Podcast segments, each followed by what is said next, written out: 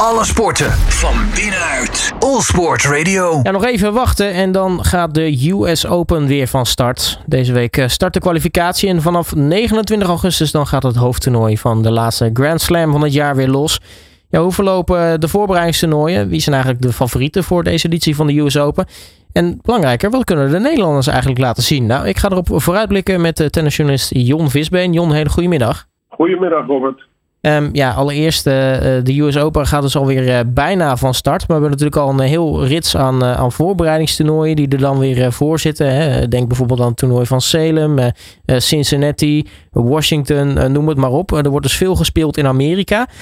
zijn er eigenlijk dingen te noemen die, die daarin opvallen?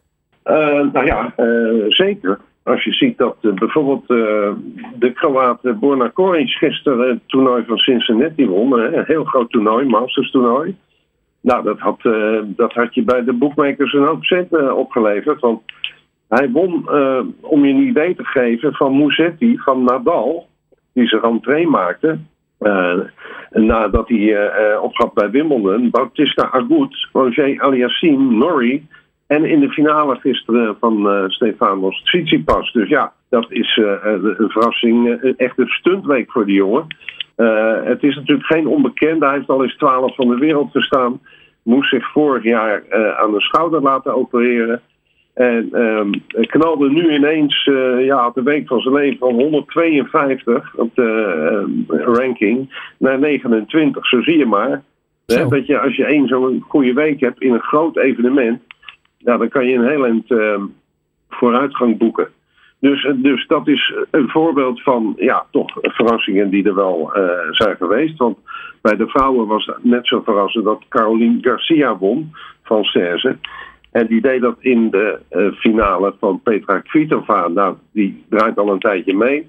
En ook twee namen. En Garcia ook, ook twee namen. Dat je zegt, ja, hey, die komen in, ineens na een lange tijd weer boven drijven. Dus um, de verrassingen zijn uh, niet van de lucht. Ja, dan uh, als we nog even bij de dames blijven. Wat uh, natuurlijk het dingetje is, is dat Serena Williams nu echt gaat stoppen. Hè? De US Open wordt haar laatste toernooi. heeft natuurlijk al wat, nou ja, is toch een rondje langs, langs de velden gemaakt om een soort van afscheidstoernooi waar ze mee bezig is. ze ook Cincinnati deze aan. volgens mij heel Cincinnati liep, liep uit voor haar. Maar het is nog niet echt meer een, een schim van wat het vroeger was, hè? Nee, ik denk ook bij de US Open dat we niet te veel uh, van haar moeten verwachten. Uh, je, je, hebt gezien, die potjes die ze gespeeld heeft tot nu toe. Ja, ze komt uh, toch tekort op, op alle fronten. af en toe dan laat ze nog zien wat voor een kanjer het geweest is natuurlijk. En, ze, en die service blijft geweldig. Maar ja, het bewegen, wat altijd al een beetje een probleem was, dat is er niet beter op geworden. En uh, ik hoop voor haar dat ze nog een leuk afscheidstoernooi heeft hè, voor eigen publiek. Maar als je zag uh, vorige week ook dat ze dan in de tweede ronde met 6-4, 6-0 uh, van de baan wordt getimmerd door dat, dat jonge meisje Raducanu. Hè, die haar titel trouwens moet verdedigen de komende twee weken, althans vanaf 29 augustus. Ja, dan, dan, weet je, dan heeft ze tegen de echte toppers denk ik niks, niks meer te zoeken. Ja, dan uh, Nick Kyrgios, uh, misschien ook wel even het bespreken waard. Want uh, nou ja, we hadden natuurlijk een, een heel lekker toernooi in Engeland op, op Wimbledon. Zei daarna al van, nou ik ga er alles aan doen om in ieder geval die vorm te behouden richting de US Open. En op zich heeft dat voor hem ook niet echt windeieren gelegd, hè? Nee, hij heeft. kijk, als hij zijn hoofd erbij houdt, dan, word je bij de top 10 en misschien wel top 5 van de wereld. Um, en als hij er alles voor doet en een hoop verlaat. Nou, hij, hij prolongeerde zijn titel in Atlanta. En dat, uh, dat was al even geleden dat hij daar gewonnen had. Dus ja, hij heeft laten zien dat hij, uh, dat hij voor langere tijd toch uh, een bepaald niveau kan laten zien. En, en het, het is te hopen voor hem dat hij dat nog even weet door te trekken. Ja. Ja, want ook in Washington won hij gewoon twee titels op een dag. Hè? Hij won eerst het enkelspel en vervolgens nog even het dubbelspel. Ja, precies. Dus, dus uh, hij is echt uh, hot, denk ik, voor, voor de US Open. En uh, dus even, even kijken van... Hij kan natuurlijk ook weer zo'n dag ertussen hebben dat het hem allemaal niks meer interesseert. schijnbaar. En dat hij er met de pet naar gooit. maar goed, hij heeft al wat langere tijd nu laten zien dat hij vrij steady is en, en consistent. En ja, dat zou tot hele leuke dingen kunnen leiden. Ja, hoe zit het eigenlijk met uh, de Nederlanders? Want uh, nou ja, voor de Nederlanders moet het toch. Uh, ja, vroeger was het natuurlijk, of nou vroeger, tot een paar jaar geleden keken we dan voornamelijk naar de vrouwen. Of naar één vrouw eigenlijk, Kiki Bertens. voor nou, wie er eventueel hoge ogen zou kunnen gooien. Nu natuurlijk een aantal mannen. Hoe zit het daar eigenlijk mee? want volgens mij, ja, Van de Zandschulp voornamelijk, die heeft toch een beetje ja, last van een soort van. Nou ja, een dipje eigenlijk in zijn, in zijn vorm. Ja, het is niet te geloven dat hij ondanks een vormcrisis, want, eh, wat hij zelf ook aangaf onlangs, uh, dat hij toch weer uh, gestegen is naar zijn beste ranking ooit. Hè. Naar, naar 23 staat hij nu. En dat is, mind you, dat is nogal wat hè, voor, voor een Nederlandse tennisser. Um, maar hij, hij gaf zelf al aan van dat hij ja, na een verloren partij, ik meen dat het was tegen Medvedev. En nou is dat natuurlijk niet de eerste de beste, hè, nummer 1 van de wereld. Maar ja, hij was zo ontevreden over het spel dat hij zelfs overwoog om, om tussentijd voor de US Open nog even terug te gaan naar Nederland. Want ja, het liep voor geen meter. En uh, uh, ja, eigenlijk was Wimbledon, laatste 16 tegen Nadal, dat was zijn laatste aansprekende resultaat. Daarna heeft hij niet kunnen brengen wat, ja, wat mensen langzamerhand toch een beetje van hem gaan verwachten. Dat hij minimaal bij de laatste acht komt bij een toernooi, of de laatste vier zelfs. Nou, verre van dat.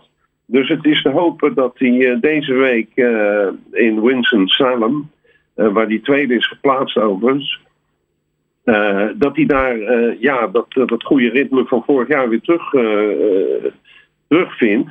Want mocht hij, hè, om je een idee te geven, er komt natuurlijk nu eindelijk een keer wat aan voor hem. Hij moet natuurlijk een kwartfinale straks verdedigen in de US Open. Mhm. Dat betekent dat, dat hij, als hij, stel dat hij de eerste ronde dit jaar zou verliezen, dan raakt hij 385 punten kwijt. En ja, dan, dan zakt hij als een baksteen natuurlijk ineens weer. Dus uh, de vraag is of hij op tijd uh, zeg maar, toch die vorm weer kan terugvinden. En daar een paar rondjes kan winnen. Want dan zou hij binnen die top 30, top 35 kunnen blijven. Nou, gelukkig als, hij, als je het toernooi dan een beetje naast Wimbledon legt. Daar begon hij ook niet al te, te gelukkig met, met het gras. En was hij ook een beetje aan het mopperen. En uiteindelijk toch de kwartfinale. Dus nou ja, misschien dat het uh, hopelijk hem zoiets ook nog wel kan opleveren in, uh, in, in de US Open. Ja, nou, het is wel, wel opmerkelijk en, en, en bijzonder dat hij dus in het toernooi wat hij nu speelt, laatste voorbereidingstoernooi hè, in, in Winston-Salem, dat hij daar een, een, een oude bekende kan treffen in de tweede ronde. Hij heeft een baai in de eerste ronde en, en dat is zijn landgenoot Tellen Griekspoor. Die verloor weliswaar in de kwalificaties laatste ronde, maar die kreeg, uh, werd als lucky loser toch toegelaten tot het toernooi. En die moet vanavond tegen Popperin, een uh, Australiër. Mocht de dat winnen, dan staan ze morgen of overmorgen tegenover elkaar uh, daar in Amerika. Dus nou ja, dat is op zich wel grappig. Ja, en hoe, hoe, wat kunnen we verwachten eigenlijk van, van Griekspoor? Want hoe is zijn voorbereiding eigenlijk op de US Open? Nou, ze hebben alle drie eigenlijk een, een, een gemankeerde voorbereiding, mag je wel zeggen. Hè? Die, die, dus met alle drie, ook met Van Rijthoven, want dat is dan de derde uh, ace, zeg maar, die we hebben. Uh, Tellen, die is uh, geveld door corona. En, en nou kan je daar na twee dagen weer een licht griepje of wat dan ook verkoudheid hebben, weer af zijn. Maar bij hem heeft dat er heel diep ingehakt. En uh, hij zei zelf, ik ben nog nooit van mijn leven zo ziek geweest. Dus die, is, uh, ja, die hele voorbereiding is eigenlijk uh, in het water gevallen van, van Tellen. En die hoopt nu nog door wat wedstrijden te spelen, wat, wat, ja, wat ritme op te doen voor, voor de US Open. En, en Tim van Rijthoven moest opgeven, en dat is alweer een maand geleden in, waar was dat ook weer? Indianapolis, ja een challenger met een rugblessure. Nou, die heeft sindsdien ook niet meer gespeeld. Speelt deze week ook niet. Is waarschijnlijk, wordt hij rechtstreeks toegelaten op het hoofdtoernooi. Hij staat één uit. Hè, dus als er één nog afzegt, uh, of zich afmeldt, dan, dan zit hij daarin. Maar de vraag is natuurlijk, uh, hij zou eigenlijk ook dit toernooi spelen deze week. Maar hij is kennelijk nog niet uh, genoeg hersteld. Dus we hebben de lijst nog niet, de officiële lijst van de kwalificatie weten ook niet of hij daarin staat. Uh, vraag is even of hij, uh, ja, of, of die uh, überhaupt de US Open haalt. Ja, want wie zouden eventueel de Nederlanders zijn, ook bij de dames trouwens, die zich nou ja, via, via de qualifiers zouden, zou, of in ieder geval mee zouden kunnen doen aan de qualifiers? Nou, dat is uh, dus Tim, hè, als normaal gesproken, uh, stel dat er één afzegt, nou, dan, dan zit hij meteen in het hoofdtoernooi. Maar dan heb je nog Gijs Brouwer, de Nederlands kampioen van twee jaar geleden, die, uh, die doet de kwalificatie. En Jesper de Jong. En heel misschien Robin Hazen, maar die staat eigenlijk te laag, dus die is een soort alternate. Als daar mensen uitvallen, zou hij ook kwalificatie kunnen spelen. Bij de dames is dat uh, Ariane Hartono, Suzanne Lamens en uh, moet even kijken, Patinama Kerkhoven, Leslie. Die drie spelen waarschijnlijk uh, en daar zou eventueel nog kunnen bijkomen in die telefoon. En Arantja Rus is uh, direct in het hoofdtoernooi, maar moet gaan oppassen. Is weer verder gezakt. Staat nu ATP of WTA 96. Ja, en je moet wel bij die eerste 100 blijven. Wil je rechtstreeks worden toegelaten. Dus daar zit nog, die, die moeten we echt aan de bak, zeg maar. Ja, ja, en ik vrees voor de, dat het moeilijk wordt daar, omdat ja, ze is toch, uh, haar spel komt het beste tot uiting op gravel. En uh, zoals je weet is dat allemaal hardcore daar in Amerika. Dus ja, vraag is misschien met een beetje gunstige loting dat ze daar wat punten kan sprokkelen. Nou, laten we het hopen. Dat zou natuurlijk mooi zijn voor, voor haar en voor het Nederlandse vrouwentennis. Jon Visbeen, tot slot. Wie zijn nou eigenlijk bij zowel de heren als de dames, als je nu kijkt, nou eigenlijk de, de topfavorieten? Dat is altijd lastig te vertellen hè? en te voorspellen. je weet dat uh, Zverev, nummer 2 van de wereld, nog steeds geblesseerd is. zal ook niet meedoen in New York. is nog steeds herstellende van ja, een nare val tijdens Roland Garros. Dus ik denk toch, ja, Medvedev, de titelverdediger, uh, schat ik in bij de topfavorieten. Alcaraz en Nadal namens Spanje allebei. Uh, zie ik hoog ook ogen gooien. En ja, de vraag is natuurlijk of Djokovic wel of niet mag spelen. Daar is nog geen uitsluitsel over in verband met het feit dat hij natuurlijk niet gevaccineerd is.